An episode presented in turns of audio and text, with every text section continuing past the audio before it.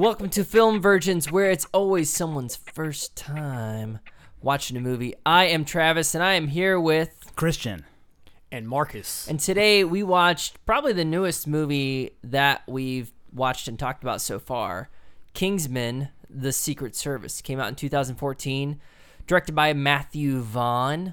Marcus, what is Kingsman about? Kingsman is the tale of the Secret Service. It's basically a um, intelligence group that's independent that operates at the highest levels of discretion.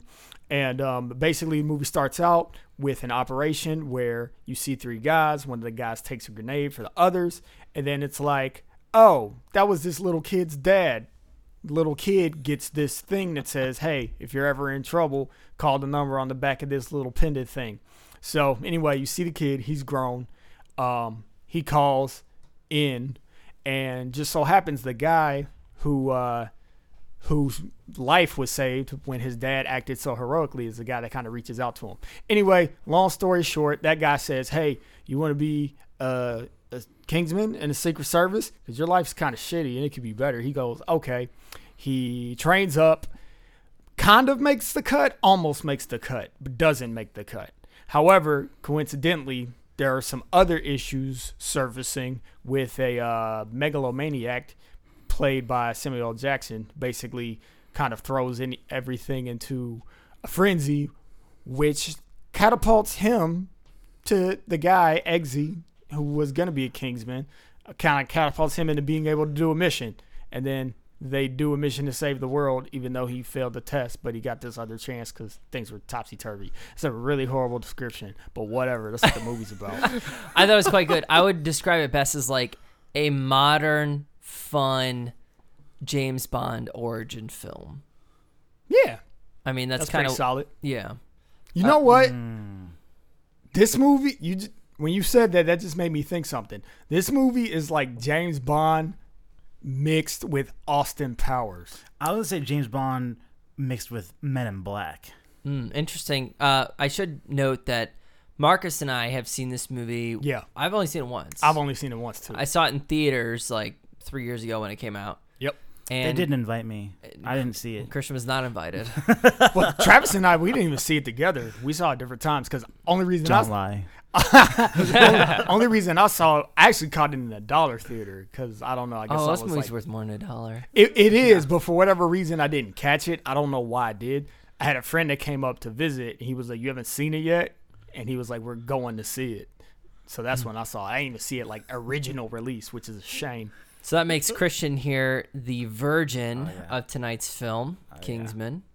Uh, a little background Kingsman is directed by Matthew Vaughn, who did other movies such as X Men First Class and Kick Ass.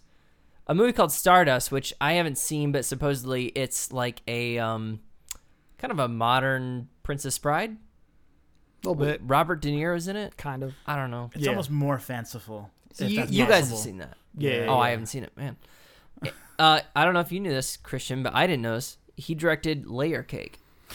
Yeah, that you know, Starring I did Daniel not know that. I did not know that. And Colm Meaney. And Colm Meaney. And Colm Meaney. this is just going to become a, a Colm Meaney fan podcast. I mean, I would love that. we should definitely work him into the show every time. I'm, It's like three episodes in a row. Colm Meaney has been mentioned. You know what's you know what's really you know what's really ridiculous? I don't even know who that is, and I'm one of the podcasters. Oh, no, Which means I wasn't listening to y'all at all when y'all were talking about him ever. no, we mentioned him a couple times. He's um he's the transporter operator from Star Trek Next Gen, and then he was actually a regular in DS9. and then in, Oh, in Chief Con Air, Oh yeah, he's the okay. asshole with Gotcha. the nice That's car. Colm Meaney. Okay, Yeah. I just never knew his name. Because we watched Galaxy Quest last time, we Yeah, talked yeah, about yeah, him because. Star Trek. Star Trek.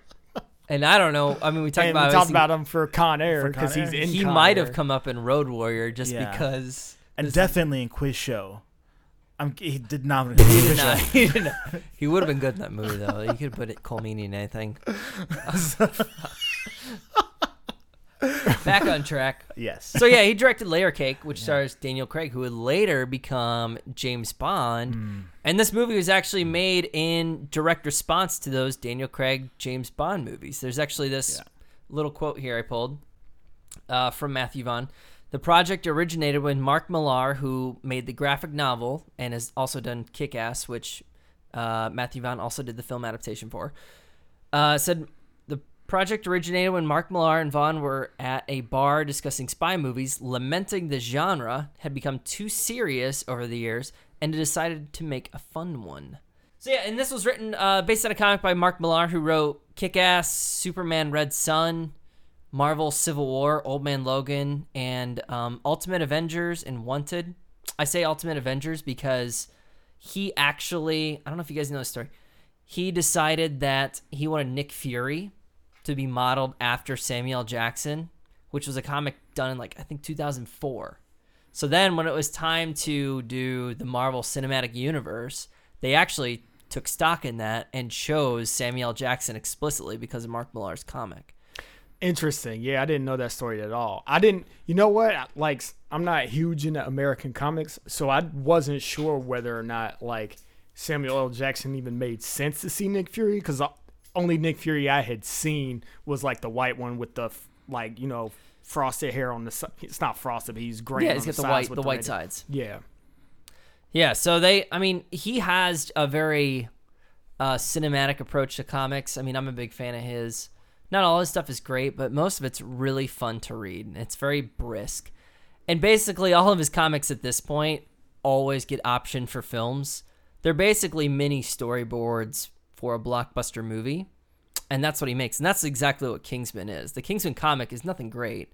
Uh, it's illustrated by Dave Gibbons, who did Watchmen. Uh, but it's basically exactly what the movie is. It's very much uh, the same.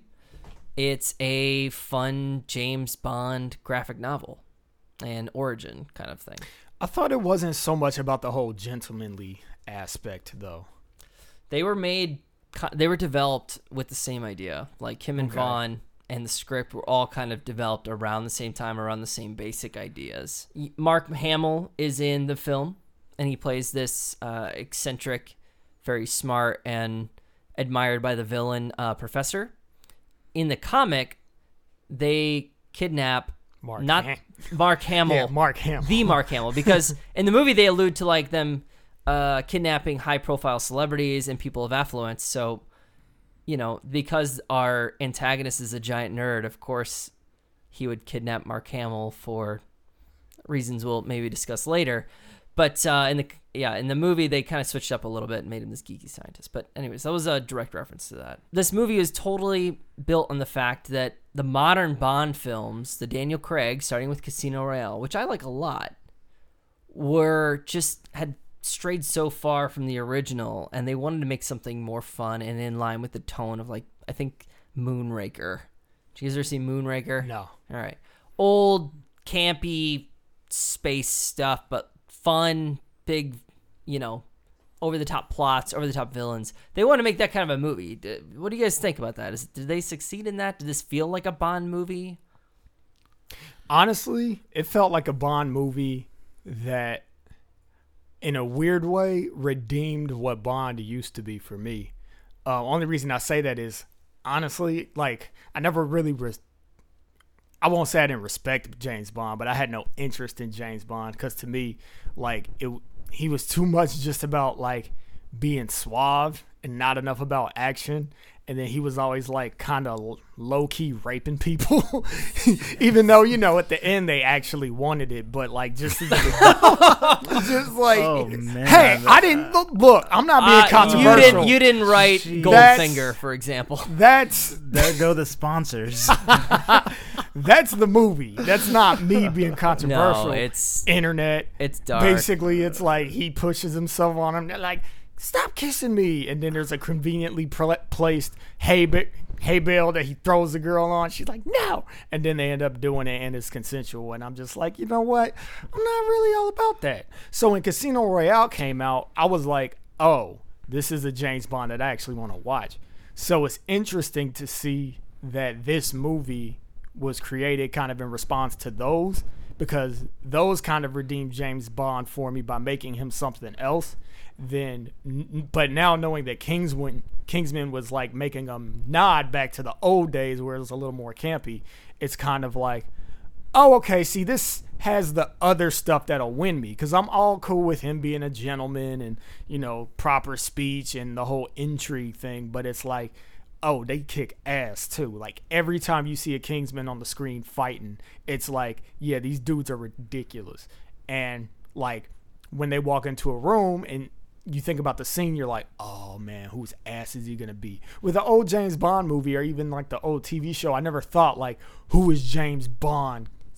Who the who's he gonna fuck up? I never thought about that. It's just kind of like, oh, it's James Bond. He's gonna use a gadget and you know kind Have of his way with a woman. have his way with a woman and kind of like like smooth talk his way out of a situation or be in the right place at the right time but you know i'm a baser animal so i want to see you beat the shit out of somebody or some 80 bodies Christian, you're the film virgin. You and I have talked a bit about the Daniel Craig movies. I like. I think we both like some of them. What What did you think about that? Uh, what did you think of Kingsman? Actually, you're the film virgin. All right. So Kingsman. All right. so right, let's start off. It's a thoroughly engaging film. It's totally fun, right? There's no no question about that. Um, and uh, I really had fun watching it. Um, this is a film that I don't think is. I mean, I guess we'll know in 20 years. I don't think it's timeless. Um, I think that this is very much mired in time, and um, I, I said that it was kind of James Bond meets Men in Black, but really it's James Bond meets Men in Black meets the Avengers. And I mean that with as much disparagement as humanly possible. I, I think, not that I don't enjoy Men in Black on occasion, but it's not exactly a you know modern classic. Well, not even modern anymore.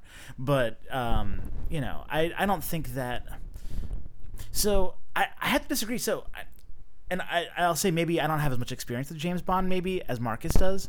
My knowledge of James Bond is mostly Pierce Brosnan and Daniel Craig James Bond, and um, maybe one or two Connerys. Um, certainly seen Goldfinger, but even in Goldfinger, we have is, the same experience by the way Oh, i don't have that much and Well- that's and that's by virtue of me not really being interested so Yeah. su- very superficial impression of what i got from james bond before daniel craig stepped onto the scene And you know, but even even Goldfinger though, I mean, it's not he's not taken out eighty bad guys. That's an early one.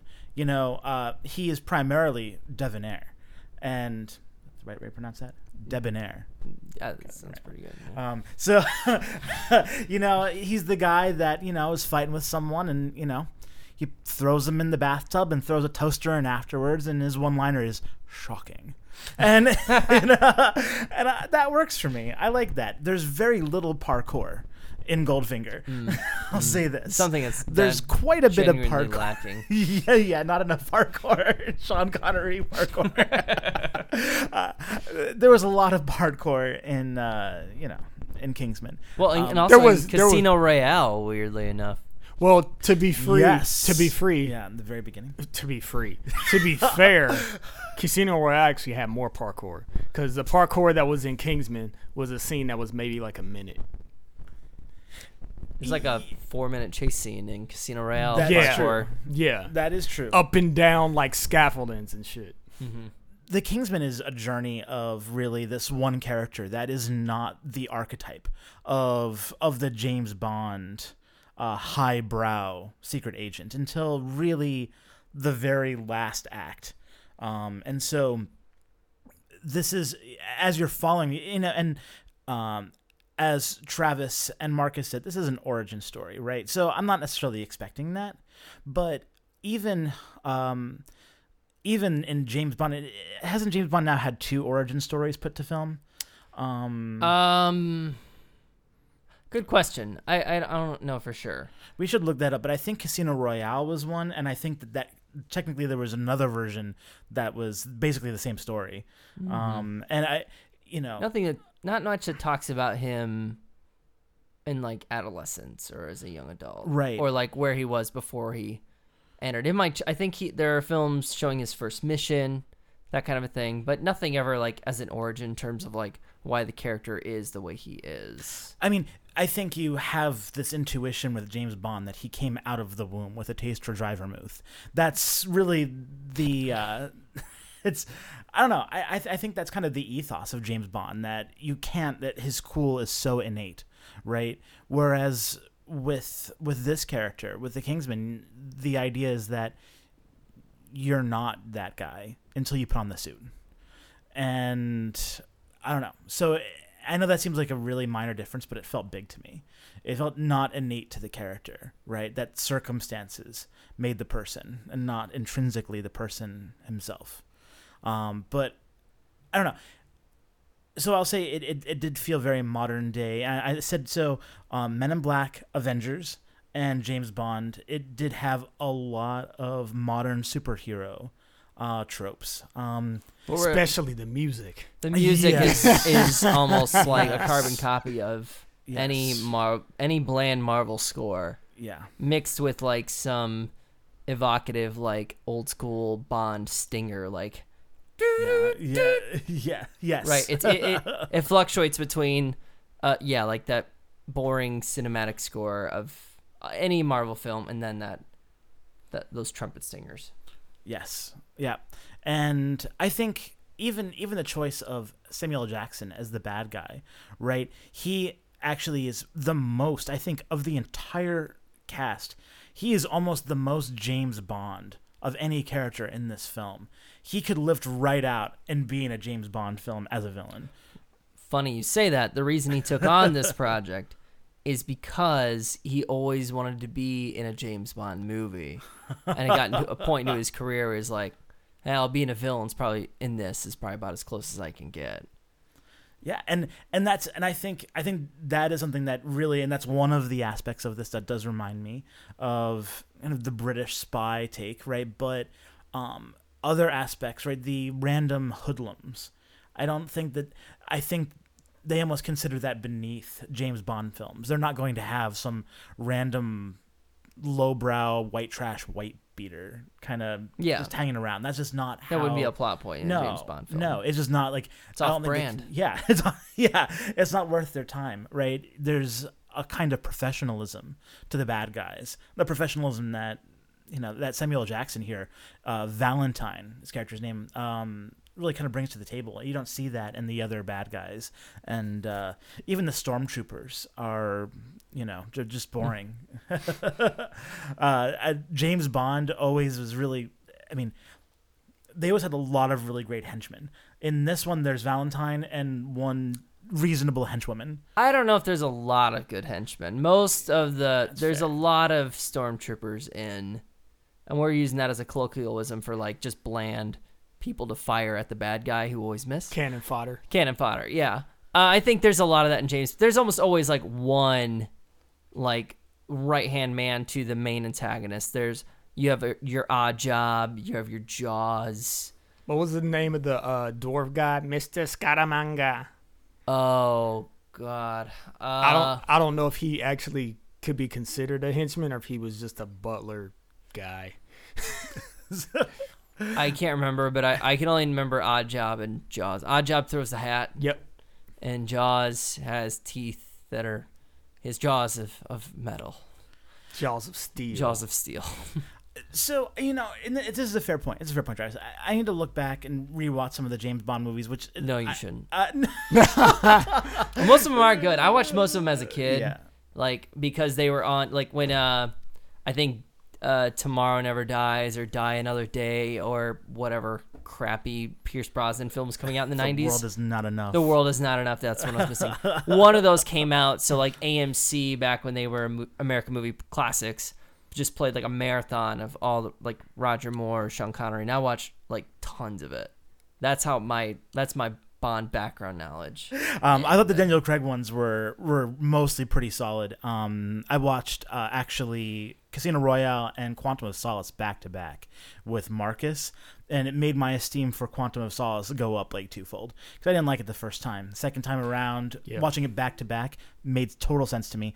All, all I'll say though is even the stormtrooper fights though as far as i can remember in some of the daniel craig movies that there's an expectation that he's fighting competent people right even if he takes him out in one shot even if it seems easy for him they portray those antagonists as competent right? Whereas these guys are people that just literally got their heads blown off for just no apparent reason.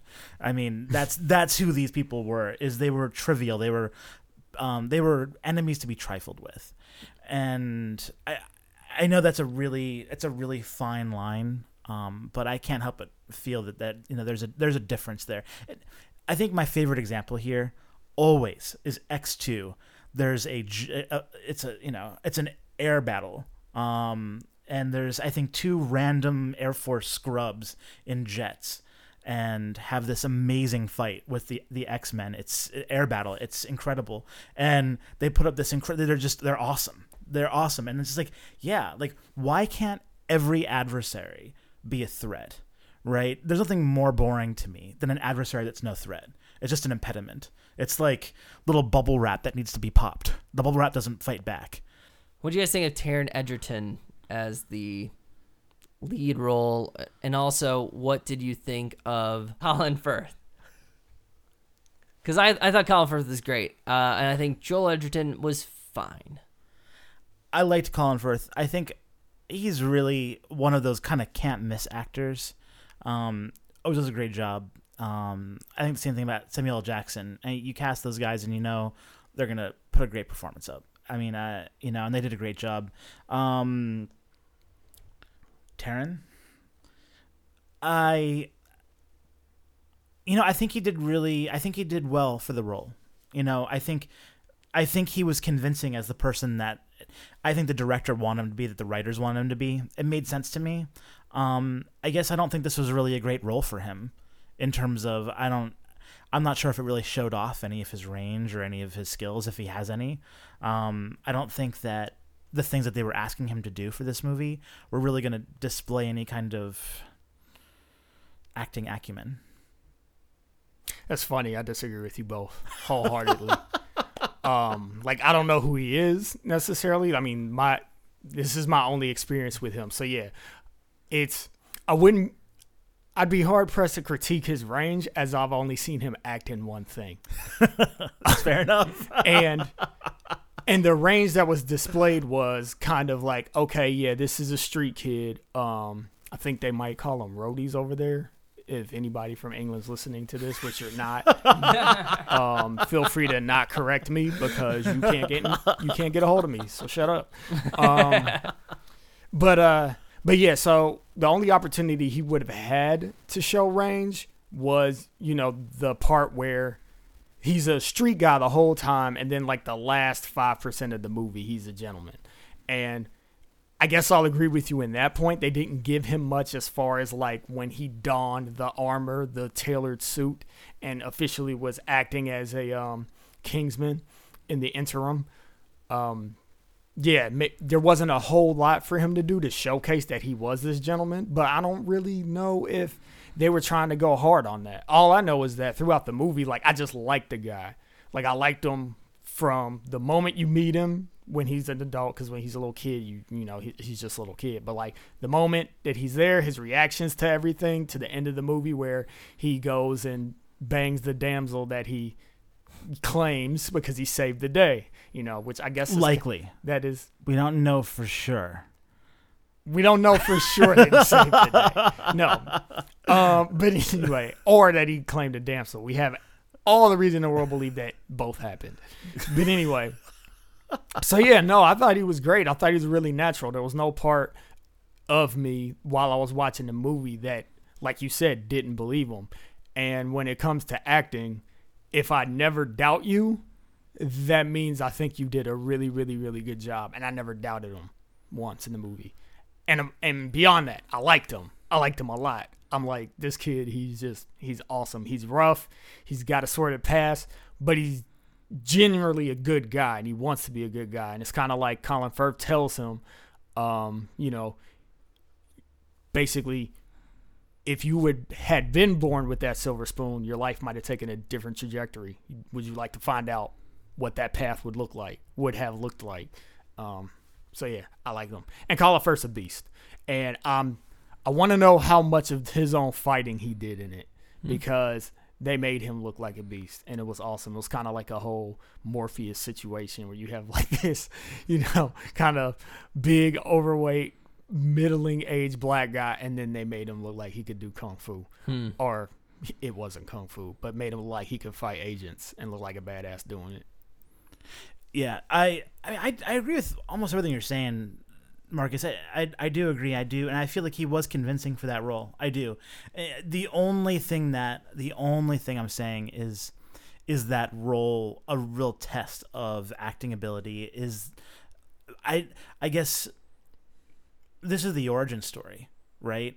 And I think um, it's such a similar arc to almost every other single character. It's Joseph Campbell's Yeah, uh, story circle yeah, to the T. Yeah, it's. I mean, this is Tobey Maguire in Spider-Man. You can literally Luke take- Skywalker, I yeah, yeah. more apt, but yes. No, Tobey Maguire for sure.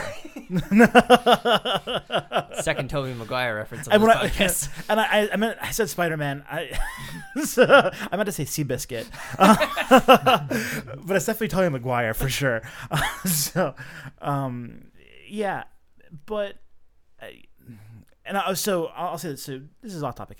The um the fighting style um I did appreciate. I've seen it before. It almost seems um reactionary uh, to the Jason Bourne shaky camera style, where it's actually edited almost using some Wachowski style techniques, but a little different to actually maximize the understanding from the viewer's perspective of the action of what's actually happening. So speeding up during uh you know during movements that are not especially important and slowing down during the actual uh, Contact. yeah, yeah, yeah, contact or at any point when the viewer might be confused about what's happening. So like even not necessarily contact, but say like a near miss. It'll Yep. slow down as the miss is occurring so you can see it actually happening.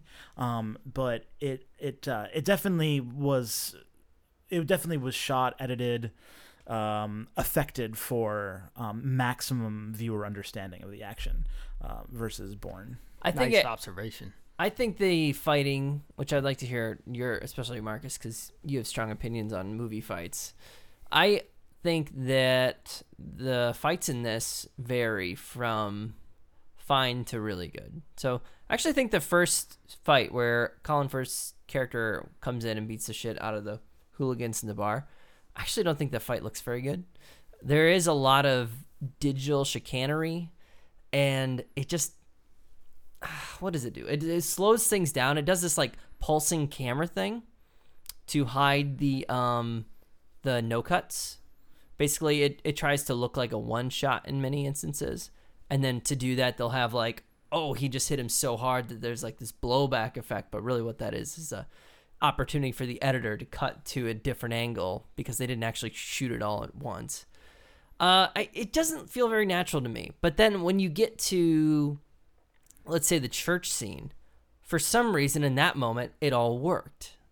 Then that effect looked cool and effective, and I was super into it, and I grip my seat every time I watch that scene. Like I get really into it. I, I can't really put my finger on why it works in that church scene, but I don't think it works in the rest of the movie. I don't love the fight at the end with the uh, um, Blade Runner. the Blade Runner. Oh, that's not Oscar Pistorius. This character isn't that evil. Ouch. Boom. But I don't I don't love that fight either. It looks a little video gamey for me. And not unlike the first Colin Farrell uh Colin Farrell. Colin Firth uh, bar scene fight looks a bit video gamey, but for some reason the church works. So I what is this discrepancy? Am I alone in this? Um, well, I'll address the whole video gamey look. The whole movie looks video gamey to me. It And does. There's a lot of especially- digital effects. Yeah, especially seeing it on Blu-ray, like in that high definition. Like I remember thinking when the movie started, like, wow, I don't remember it looking this artificial. And um, then I thought about Kick Ass. And I'm like, oh, Kick Ass look really artificial too. And it's like, yeah, maybe that's the point. This guy's adapting comic books that are really, really colorful. And kind of like I said on the um, Speed Racer podcast, one of the things that they did, the techniques is basically everything being in focus. And when everything's in focus, it looks fake because we don't see things like that. Um, and most photography isn't shot like that unless it's like some landscape. And then, of course, everything's going to be in focus because everything is super far away from you.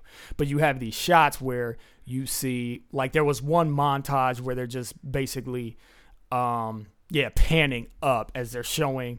Um, basically, Samuel Jackson's character, Valentine, his plot basically consists of distributing free SIM cards to everyone that you know, will allow them free access to his network so they basically don't have to have cell phone or communication fees. But that's the whole point is to get everybody those SIM cards because he can basically send a signal that makes everybody go crazy and they start killing each other, which is the plot of the movie, basically to get a certain select few, the elite of society, to a safe place while everybody else kills themselves off in order to save the planet because we're overpopulating. That's the whole plot. That's the whole ploy. Um, but uh, anyways, going back to what I was saying, when they're panning up, you see his factory where they're you know working on all the SIM cards or whatever, and then you can just see everything clearly straight down, and it's kind of like that Willy Wonka effect where you kind of see these different parts of the factory, and it's kind of like these look like they're cloned. You don't see it long enough to really t- tell that much, but it looks like it could be. And a lot of the scenes are shot like that in a movie where everything is just like pristinely clear. Um, so so for I think I think maybe the reason the church scene worked is because that scene had so much going on. And honestly, it was the only scene that really did have the shaky cam because what you refer to as shaky cam, I kind of see as more what Edgar Wright does in his fight scenes mm-hmm. where it's not a shaky cam. It's basically he has these spots set up where he'll stop and then he'll do a fast pan. Stop, fast pan. Look up, look down. So it's not like Jason Bourne where it's kind of like it actually feels like a guy holding a camera trying to um, get everything in view. It's more like the stop, start, stop, start, stop, start. The church scene, that's when there was a little bit less of stop, start, and more just like we're kind of following him through the mayhem. Don't get me wrong, there's still a lot of that in there. Um, just because like I think that's the style of the choreography. But um, I don't know. That's maybe that's why it worked. The very first fight scene in the movie I thought was dope. The one where they you have the one guy, the former Lancelot, saving Mark Hamill's character. Like I love that one. The bar fight, yeah, it was all right. Watching it again, I was like, hmm, I remember this being more awesome. Yeah. But it, yeah. it was just okay. I'd probably have to watch it again to have a really strong opinion about it. But um, of course, church scene is dope. And then the final scene, I think it's kind of like I can see people being divided on it. I personally like it. it it's not my favorite, but it, it was a fun fight. It was fun enough. And at that point in the movie, you know, that's after everybody gets their heads blown up in Fourth of July fashion, and it's basically it's like a fireworks show. Like so at that point it's like, all right, if things look like a video game, that's what this movie is doing. You either like it or you don't. I kind of just go along with the movie because I like it so much. Um, that yeah, it didn't really bother me. But I do agree the like last fight, it's not like the most epic piece, which is typically an action movie what you want to be the most epic piece. Hmm. Yeah, I I mean, despite all that, like the reason I still love this movie. That's those are my nitpicks because overall, I like the arc of this film. I mean, it's a classic Joseph Campbell like hero's journey, Luke Skywalker Skywalker type story, even down to the Obi Wan mentor relationship and Obi Wan dying and leaving you know Luke to finish the mission. Like all that's there, and I think it really works and it's really good. I do think the reason that the sequel doesn't appear to be quite as good. So we've heard. So we've heard. None we of us have seen it yet. We haven't seen it yet. The reviews are out, and I've read some of them, and it kind of blew my excitement because I was looking forward to it. I'm not sure if and the the reason I brought up Egerton, I just don't know if he can carry the movie. I think he works as that rags to riches or that um, every man to hero. I think he plays that well. But Tobey Maguire. is is, is, is a regular Tobey Maguire? I take offense to that. I take so much offense to that because, like, basically, y'all are saying I get your point, but in comparing him to Luke or Tobey Maguire, or y'all didn't say this, but in my head, Neo, who Neo is the perfect example of Yeah. a movie that's just good around a, a person. Like none of those characters to me have personality or personalities that I like. Luke's a whiny little baby the whole time. Tobey Maguire's just like I don't know. He just kind of feels like a loser, and then like not even one that you like that much. It's Parker is a loser. and and ne- and Neo is nothing. Neo is tepid water. He actually has zero personality. He's just like Morpheus.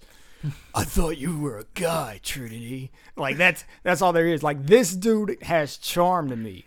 Like he's very likable. yeah, he has charm. He's bold and confident and like stands up for himself and treats people good, even if he is a little bit crass or whatever. And then I'm just a sucker for British accents. Like I love hearing the half highfalutin like oh I'm a Kingsman accent and then I love hearing just like the lowbrow just like bruv and you know mumbling your words together. That's ter- terrible accent but whatever.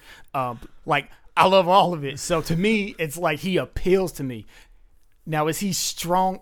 So I don't know. I could I could watch another movie with him in it but I do want something some people also lifting the movie up, which is what I was expecting was going to happen because you have Channing Tatum in it, and then some other people who are kind of bigger names, which I, I'm Well- not entirely sure of. I'm gonna spoil a little bit. Now I do like him in this movie, and I would totally watch a Kingsman sequel built around him and his next mission. I would watch that movie. Now I would have a little bit of trepidation because at the end of this, am I, am I, I was like kind of asking myself, even like after this, after the first time I saw it, and then even a little bit more after the second time, I'm like, would I do I see this guy as like the lead role, just him, and watching him on his next mission in the next movie, his next solo adventure? And I thought I have some reservations about it because I think he does that low character well. I don't know if he feels like a Kingsman to me the way that like Colin Firth does. He doesn't, but I'd be willing to watch him and see how it goes. Right? I would totally give him the benefit of the doubt. My problem is I haven't seen the sequel, but in the previews, they bring back Colin Firth. I'm sorry, Yeah, yeah, yeah. they bring him That's back. not spoil material. They It's show in the you that he's fucking back. trailer, and it's in the fucking trailer because I either a the studio didn't have enough faith for him to carry the movie, but I I haven't heard anything good about that. Like it it doesn't give me faith in this character, and I would rather just see him go on his next adventure. I'd rather watch that movie. I don't want to watch him reunite with Obi Wan again, so to speak. So, uh, uh, well, we're talking about his character. What do you guys think about uh, one of the hallmarks of James Bond to me is that it's at least intermittently plausible. This is at no point ever even slightly plausible, right? So you have this character that comes in, and I can maybe see him knowing parkour. I can maybe see him being able to skillfully drive a Subaru WRX. What I don't see him being able to do is be able to to go around corners firing guns with perfect aim um, in a country that basically doesn't allow for guns. And he doesn't seem to own one, right? And he doesn't actually go through Kingsman training, he goes through a Kingsman test. Which seems to consist of basically skydiving and drowning avoidance. Well, well, well. You're forgetting. You're forgetting that he was at the camp compound for a long period of time. So They do a you- montage. You yeah, you can make the stretch that there is a whole lot of training going on that we never see. the aforementioned floor scene where there's like this pass there's actually a quite a significant passage of time within the film Yeah, yeah, yeah. within his training not only do we see his uh his little sister Yeah, you see his little sister grow up. Grow the up. dog's grown. you also the dog Colin grows Firth is uh he's basically in a coma it seems like and he has a beard and longer hair. So a significant amount of time has passed. so I'm, I, so, I'm saying that people will train like beard levels amounts of time to be good at like regular person shooting, which consists of standing still and firing at people. and a lot of the tests that they're going through that are whittling them down and because it was described over and over again as a test slash training you would never want to give like if they have some secret training that works that well that you can become ungodly levels of good with a gun then you're going to probably not want to do that until people have passed the character test right? Which is again just kind of an impossibility and this is the kind of stuff again i don't mind but this is not james bond. This is avengers right Yeah. Th- I don't this is disagree men with in I would black argue with that. Yeah, I don't disagree with that. It's that. a James Bond comic book. yeah yeah yeah, and I think that the world isn't set up like the standards of what's possible in this world and what the what the um bar level, I guess, of like competent fighting is. Yeah, it's it's not James Bond. It's not Casino Royale, Daniel Craig James Bond, and it's not Sean Connery James Bond. It's something else for and it- sure. And it's not trying to be. And I think if you, so I mentioned Moonraker because it's probably the most like batshit crazy James Bond movie. Okay, it's actually a similar plot. So what happens is I can't remember the bad guy, but Jaws is involved.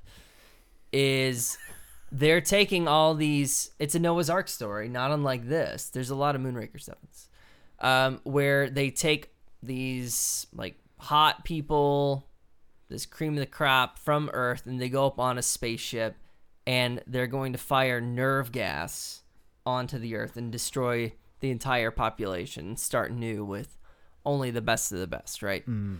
And James Bond literally is like shooting these in like a campy like Atari video game. He's like firing at these nerve bombs before they land at Earth and to save the day. So I mean, like, yeah, this is nowhere near what the Daniel Craig or you know, and even some some spots like Pierce Brosnan levels of realism. But at the same time, is trying not to be that. It's Right. going much more for, hey, remember when James Bond was crazy and weird? And that's what they were going for. So And whether for- that's yeah. tasteful or not, I mean, is subjective. And for the record, I wasn't going to mention the Lady Kingsman, Kingswoman flying into outer space with a hot air balloon. So, I mean, I, I think It's it's not a hot air balloon. It's a what is what are Weather those called? balloon? Weather balloon. I think. Oh, oh, okay. So the ones that they use for space Those travel are right real. now? Yeah. those are for real. getting people into space. Well, to actually, get them to get them to the edge of the atmosphere. No, atmosphere. actually, yeah. time out. I'm going to call bullshit on that because the largest jump from the stratosphere was from the Red Bull Stratos Jump, and that's what they did. Is actually Mm-hmm. Yeah. that they have balloons that'll go up into the highest le- to higher levels of the atmosphere. Now, not to where she was. Yeah, We're talking above the stratosphere though. Like the guy who did that jump had to wear a very similar spacesuit to actually what they used in the movie, Wait, how? aesthetically speaking. Well, so how how high was the Red Bull one? I Because because typically, so geosynchronous orbit, I think tends to be I want to say like twenty thousand feet. Am I wrong about that? Oh, I don't know. Uh, or 20,000, 25,000, 25,000 miles. No, 20,000 miles. It's like a long way. It's like almost like the circumference of the Earth. he flew 24 miles into the stratosphere. Granted. Okay, And okay, so okay, so geo geosynchronous orbit. So so so give me that total again. 24 miles. Okay, so just for comparison, geosynchronous orbit, which is probably what the satellites were in in order to do what Valentine wanted to do, is 22,236 miles. So roughly 1,000 times the Red Bull distance. I maintain the balloon is probably not a great idea, if only because it would just take a while to get there, unless you were going really damn fast in that Yeah. balloon. So yeah, you, I'm She, completely. sh- she shot a missile at it from a distance. oh, well, yeah, I'm completely wrong because yeah, Earth's circumference is 24,000 miles. Um, I yield. Yeah, I So yeah. I yield that. Yeah. but but I know these Devil's- things because latency is horrible when you try to use satellite connections.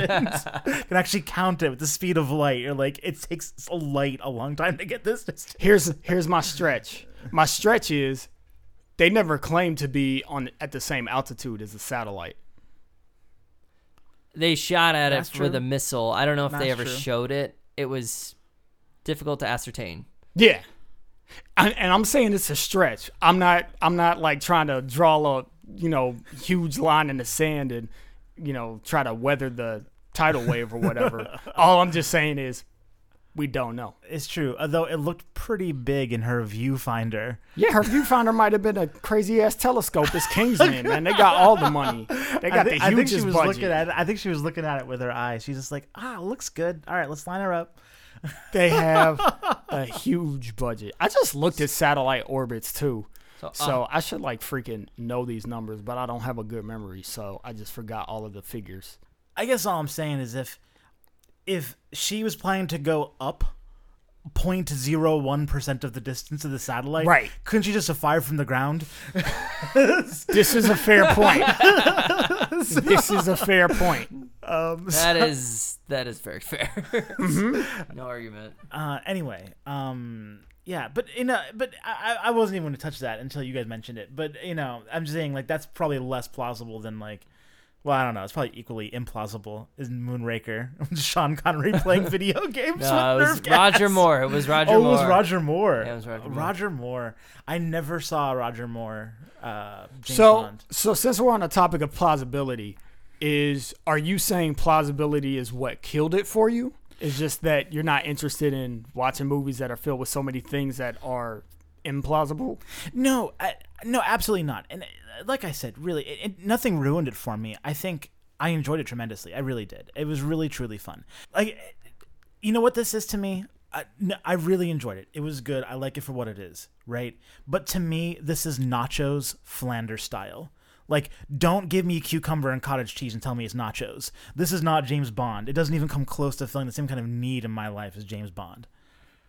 So, are you a fan of prior to Daniel Craig James Bond?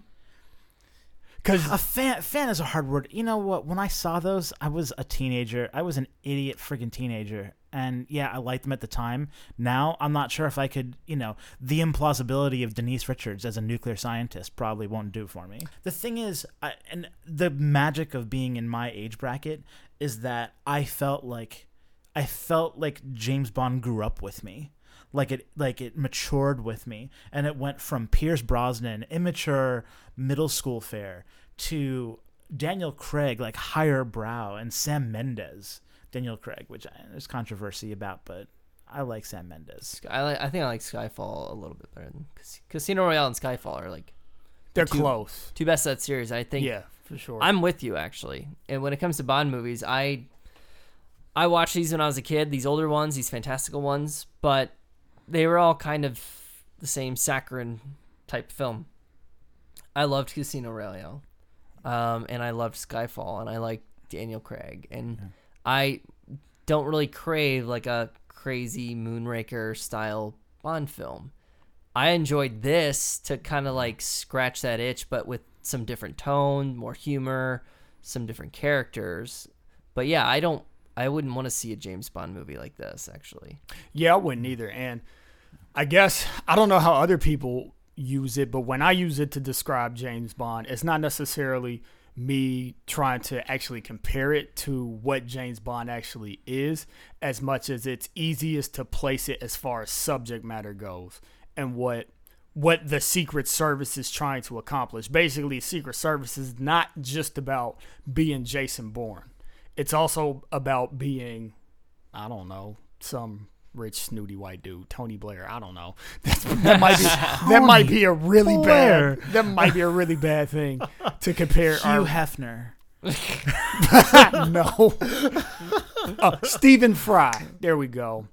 Uh, he's cool, and people think he's like intellectual and hoity-toity or whatever. So yeah, with let's talk about Samuel L. Jackson in it. And part of the reason I love him so much is because him and his character juxtaposed with the Kingsmen and their gentlemanliness and their decor is so freaking stark that it's hilarious. And then it's Samuel L. Jackson. So his delivery, first of all, he talks with a lisp of the whole movie and makes you believe that he has a lisp. Like, I don't know what you guys think, but I was like really, really surprised the first time I saw the movie. I was just like, first of all, that's an odd choice. Second of all, did the movie call for that? Or did Samuel L. Jackson go, I want to talk with a list because it's Samuel L. Jackson, and that's what he does in movies. He just says something that he's want to wants to do, and then they go, Okay, so that's a question I have.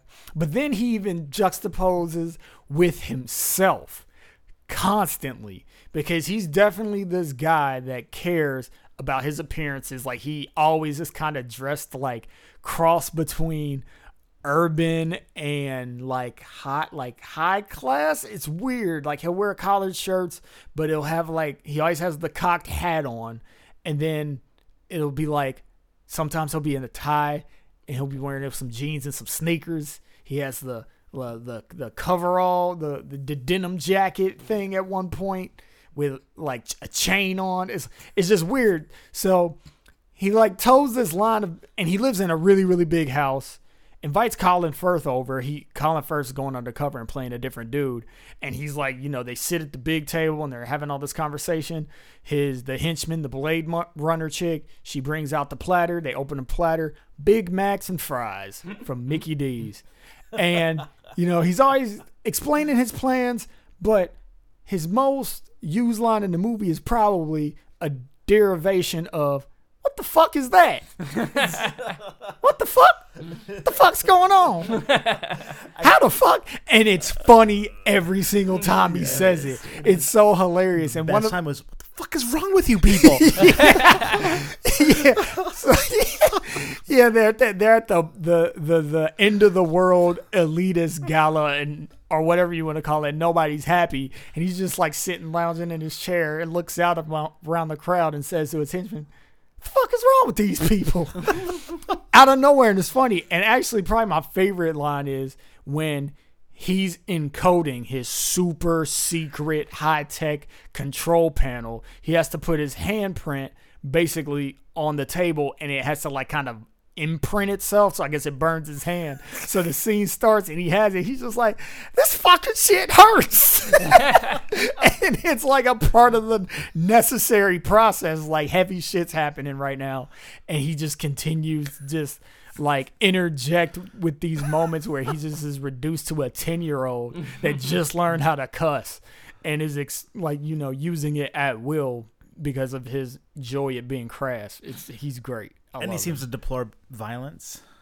he deplores violence he cannot handle the sight of blood it makes him vomit at one point spoiler alert he shoots colin firth in the face immediately immediately is disgusted turns away and then asks his henchman, Is he dead? to which she appropriately responds, Yeah, that's what happens when you shoot somebody in the head. I really wish she would have said face, though. I feel like that line would have been a lot funnier if she said face. Because something about like doing anything to somebody's face is hilarious.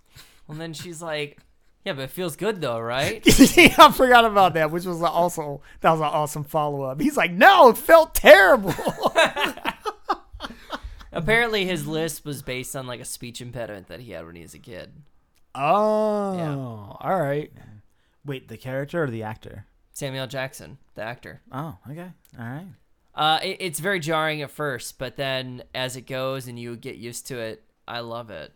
Like, at first it was like, what the f- what the hell, and then you eventually it, you love it. You love the character even. Yeah, it just it fits the tone of the movie so well. There's just so many things that are kind of outlandish for outlandishness sake that um I don't know, I felt like it fit really good. And honestly, thinking about it now, I'm trying to imagine this movie with like having cast somebody else. Like it feels like it would have been a really I won't say it wouldn't have been possible, but it would have been a different movie for sure. He is a huge presence in this movie. When you think about a sequel and it's like, who's your antagonist? Can you top that? Bill O'Reilly, I don't know. That's O'Reilly. that's really random. That really is random. Where did that come from? I don't know. I just think Fair and balanced. fair about. I kept thinking uh, Mr. Glass when I saw him. I don't know why. Just Mr. Glass every time he popped up. I don't know. I guess there's not a lot of movies with Jackson as uh, antagonist, so maybe that's why. But I don't know. Mark Strong. We should definitely go to Mark Strong. Mark Strong is fucking awesome. Let's talk about Mark Strong. I love that guy. Mark Strong. He plays the villain in Kick Ass. He plays like the American mob boss, but I believe he's actually Scottish. And I love him in this movie. He's He also great. plays a villain in the first uh, Sherlock, the Guy Ritchie Sherlock. That Oh, was the first he? time I saw him, and he plays a guy in uh, RocknRolla too.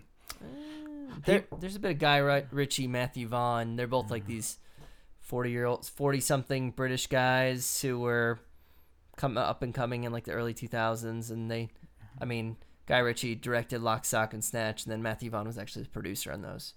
So Oh, nice. yeah, there's a lot of cross pollination. So.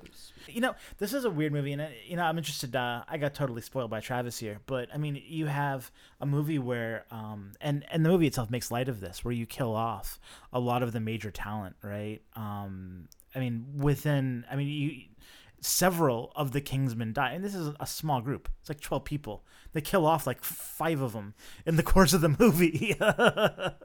it's true. Yeah. Um, and, uh, you know, including uh, probably some of the best talent of the movie, uh, Colin Firth, and um, help me out. Samuel L. Jackson. He's not part of the Kingsmen. He is. Oh, you're Michael, Michael Caine. Caine. Michael Caine. Michael Caine. uh, I thought I thought the killing of the mentor, I mean, was a good choice.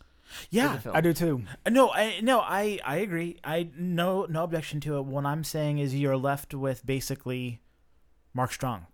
There's really no other, and that's uh, the funny thing is you have this Kingsman, but it ba- basically boils down to Merlin, the last of the Kingsmen that you know anything about. The rest of them are basically these nameless faces around a holographic table. You can presume that they have the names of the other um, 11 Knights of the Round. Well, 10. Oh yeah, Nice. they have them. We don't. I'm saying, I'm saying, we, we can we can know what they are, but we Yeah, can't yeah, yeah, necessarily know. attach them to the face. Right. Uh, We don't. You don't even really get a good look at them. You only see them through hologram. Heck, Hmm. you even see there's like Roxy's mentor. You see briefly, like, oh, there's a person. and they never mention yeah, him. he's like, I like Roxy. I hope she gets in, and then that's that. No, I'm kidding. He doesn't even say those things. He doesn't say anything. He just sits there. Well, and then they Idiot. explain away like the reason we never see them at the end of the movie is like, well, we don't know if they're in on it, on the on Samuel Jackson's plot, so we have to take care of this Oh. ourselves. They do have that little line of dialogue to I missed that completely. No, it's a good call. It's a Twice. good call. Yeah. No, I. Mark Strong says it. Yeah, yeah. To Roxy and Eggsy. Oh, I will say, like Merlin, freaking, I love the idea of Merlin because you would think that he's kind of like a Q, where he's just like, mm, "Here's your gadget," mm. and especially how they play Q off in Skyfall. It's like you're a kid, you're only thirty something, and blah blah blah, and he's like this little nerdy kid. Like Merlin's a freaking wizard. Like he's super smart, but also super competent. And just having Mark Strong, I thought was a good choice because seeing him kind of like in this not subservient but kind of like lesser role is weird but then as you go through the movie and you find out like how dependable he is it's kind of like yeah okay this dude does have something behind him. Like he's been around the mm-hmm. block. You don't mess with this dude. So i thought that they did that really really good. And it's like yeah if you have somebody named merlin they better be the shit. And they better not just be somebody that's just like little computers. And like that's all they do I thought that was awesome. I like Mark Strong. I take offense to that, Christian. I wasn't making fun I, of I you, Christian. definitely feel slighted. About as slighted as you must feel the fact that all of the Kingsmen are so white. They are so white. and they kill a black man. the only black, and then like, and then The only black character The in the actual film. no, agenda there's the other one that out. washes out of the uh, the Oh, trials yeah. early. It's like, Let's talk about race. We always talk Yeah, about yeah, race. yeah, yeah, yeah. That's the ultimate agenda of this movie. Aren't you glad I'm not that dude? Because, like, when they were all at the table, I thought that, but then, like, my logical brain kicked in, and it's like, yeah, it's the fucking aristocratic Secret Service of England. Yeah. Of course, they're all white dudes. That makes sense. It's not racist. I mean, it might be racist, but it's not racist to make that cast those people for the movie. It's also completely implausible that Samuel L. Jackson be an internet billionaire because he's an MIT graduate. No internet billionaire ever graduated from college. I was waiting for the technology. I was I was waiting for the technology aspect to come out in this discussion. Well, and that's where I wanted to go because Yes, I wanted do to, to discuss some of the themes. So strong elitism, uh, anti-elitism theme here. Yeah, I think class warfare. I mean, I think you nailed it. I mean, class warfare. And I have to say, uh, one of the things that I did not like about the main character was that he was kind of whiny. Like, and it was the class warfare thing that just, I don't know. It failed for me. I was unimpressed by that by that theme. And it came up like three times, and in each case, it felt really whiny and didn't really impact the plot at all, other than just to be like, I don't know. The idea So that when, when you say whiny, like whiny in what instances? So whiny with the, uh, you know, so the silver spoon comment to Colin Firth in the bar, and then it comes up again with a couple of the guys that were actually in the pool, and of course it's like the, you know, oh we're the elite, and they they pushed it around. I like I don't know. Have you met these people? Is this literally how people act in those in this? And am I just? I don't know. Well, it didn't come off particularly whiny to me, and um, like I don't know if his arguments are sound, but having never come up in really, really desperate situations in a really, really shitty neighborhood where there's all sorts of oppression, and I don't mean systematic oppression, I mean the oppression of life, of when you're living with a bunch of people that don't have means or this or that, and it's just a rough existence. Like I could imagine statements like that being said. It doesn't seem that weird to me. I know. I guess what I'm saying is it seems to somehow find its way into every movie now. And I guess um, I would be okay if someone decided to sit out one of the movies from Hollywood out of the class warfare vibe. I I'm sick to death of it. Like even if it has a point, and I'm not necessarily saying that it does, I just I don't think that every movie has to be about that. And It could have definitely lifted out of this. yeah, Um, but I think the whole point of the movie, well, it wasn't the point of the movie, but it was just a theme that they chose to go with.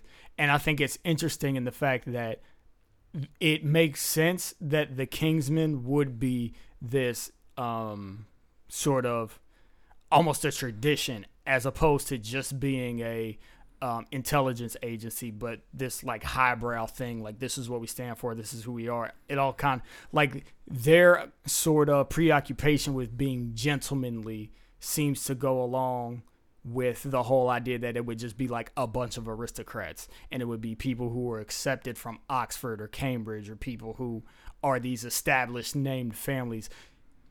It makes it and I think you have to say all that stuff if you're gonna have an everyman guy walk into that.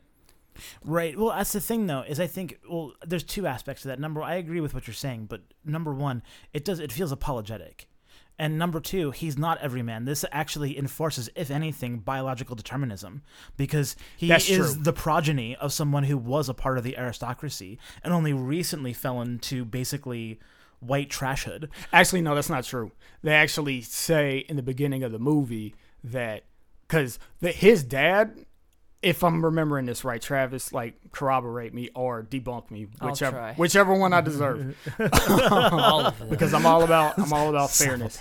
But when Arthur makes that side comment to Lancelot that basically says like, you know, pick a better mentee this time, that's in reference to the fact that him picking his dad was him trying to reach out outside of aristocracy. So his dad was not aristocracy.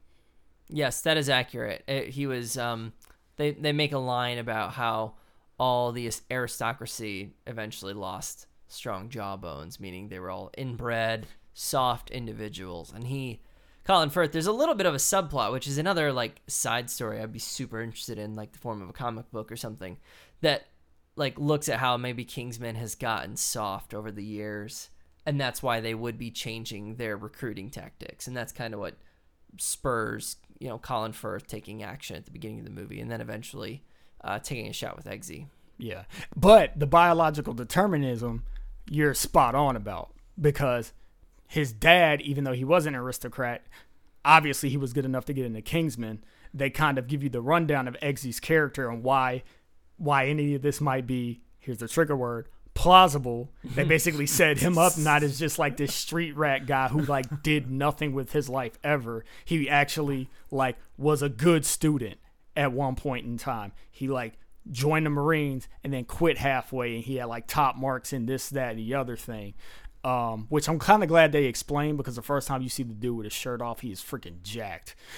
so, so it's like sometimes they don't always do that. It's from all that time in the bar. Yeah, Speaking of biological determinism. right, right, right. Yeah. But, but those things, like you want to talk about um, meritocracy, like this, this movie, whether it intends to or not, definitely kind of uh, covertly supports that that sort of argument, whether they want to or not. I'd be interested to know if they actually realize that they did that, because that would actually be kind of like you would see those those two agendas usually aren't coupled together. Like the whole let's root for the the underdog class versus like we're gonna you're good. So come do this thing because you could actually make it because you're good rather than like we'll give you a shot because you had it hard. I, I do think that there is a natural and i think you kind of you get a built-in audience um, when you create a movie where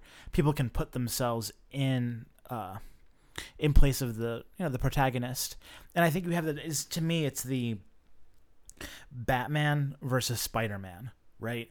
Because one is more plausible but the other is more plausible for you right the thing is Batman doesn't, re- you know, require any kind of fanciful imagination. He's not that guy that you know, like Superman, where you know he's from Krypton, right? So in that sense, he's more plausible, but he's not plausible for you, right? Because you are not the son of basically some entrepreneur, billionaire, whatever. You can't be Bruce Wayne, right?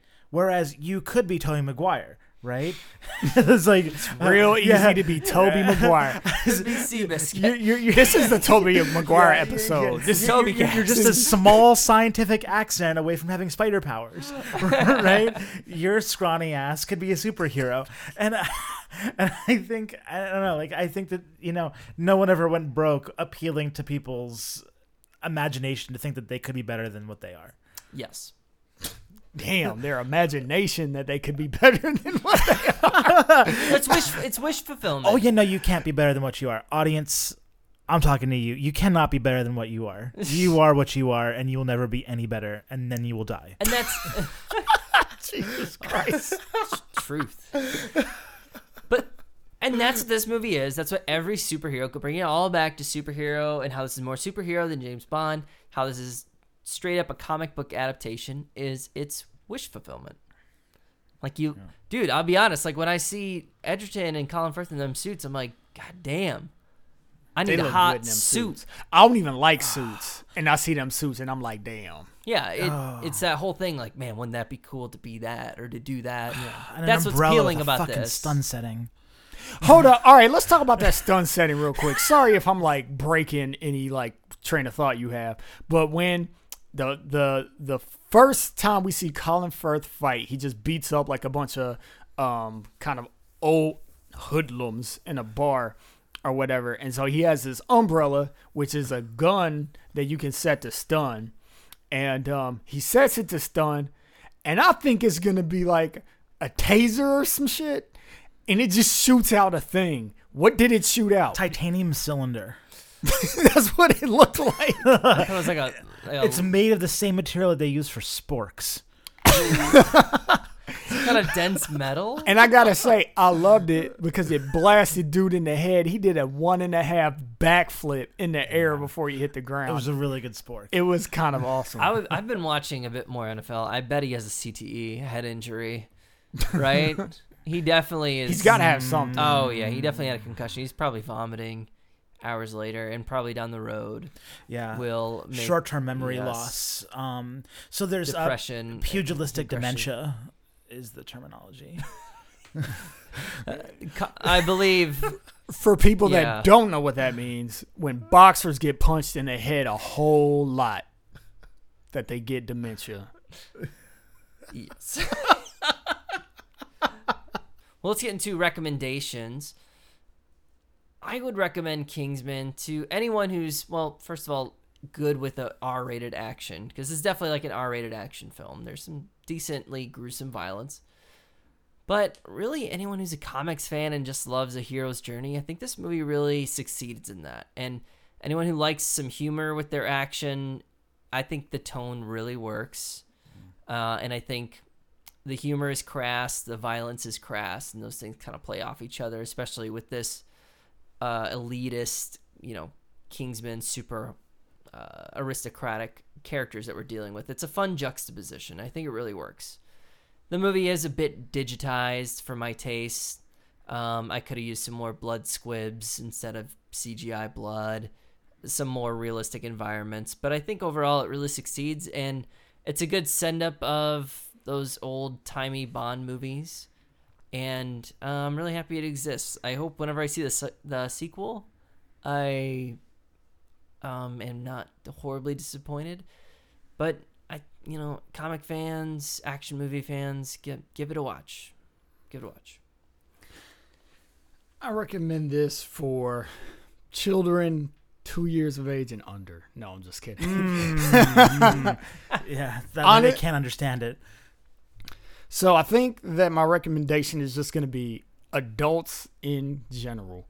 Um, only reason I say adults is just because it's R and it's super violent and it's got you know the colorful language. So if your kids have sensitive ears or if you're sensitive about your kids' ears, you know don't take them to see this. But I think like I just recommend it for adults because I think it's a really fun movie. It has a lot to offer people. It has uh, good action, has a story that's coherent. Um, might have some plot holes, maybe might not be that sophisticated, but it's coherent, and um, you know makes you laugh, makes you feel, and just has some good acting. Has some good acting and good shining moments. It's kind of your typical like this is a Hollywood blockbuster. We threw a lot of money at it. It's nice. It's shiny but also has enough character to make me think that like go see this over whatever generic movie Michael Bay is putting out. Like this has a little bit more distinction, a bit more style to it. Like there's a lot that's cool about this movie. And um watch for the church scene. Honestly, the church scene in the middle, the biggest fight, the best set piece of the movie, it makes the movie. Cuz the first part of the movie drags a little bit, and then it picks up a little bit, but after the church scene, you're like in it. And then it just makes the rest of the movie just worth watching and a super fun ride. So, if you're an adult, watch it. Well, as the film virgin Christian, what is Yes. the recommendation? So there's a few pools. Uh, number one, I I think I'd recommend this to anyone who's seen Kingsman 2 and one knows how it starts. Uh, so If you saw it out of order, you might want to watch the first one. all right, uh, If you accidentally stumbled into the movie theater not knowing it was a sequel, If you walked in 15 minutes late because you had already bought a movie for a ticket for another movie and was like, I'm just gonna go watch another movie for free. yeah, if it was a less good movie, you should watch this one instead because it's better than that one. Um, so, um, so like Marcus said, uh, good movie. You know, definitely fun. A lot of attractive people, though most of those people were men, kind of short on the ladies, and one of them was the protagonist. Deadbeat white trash mom. So I definitely recommend this for gay dudes or straight women. Um, we're keeping it. We're keeping all it's of in it. there. It's in there. also for people who've seen King's Speech and want to see more Colin Firth.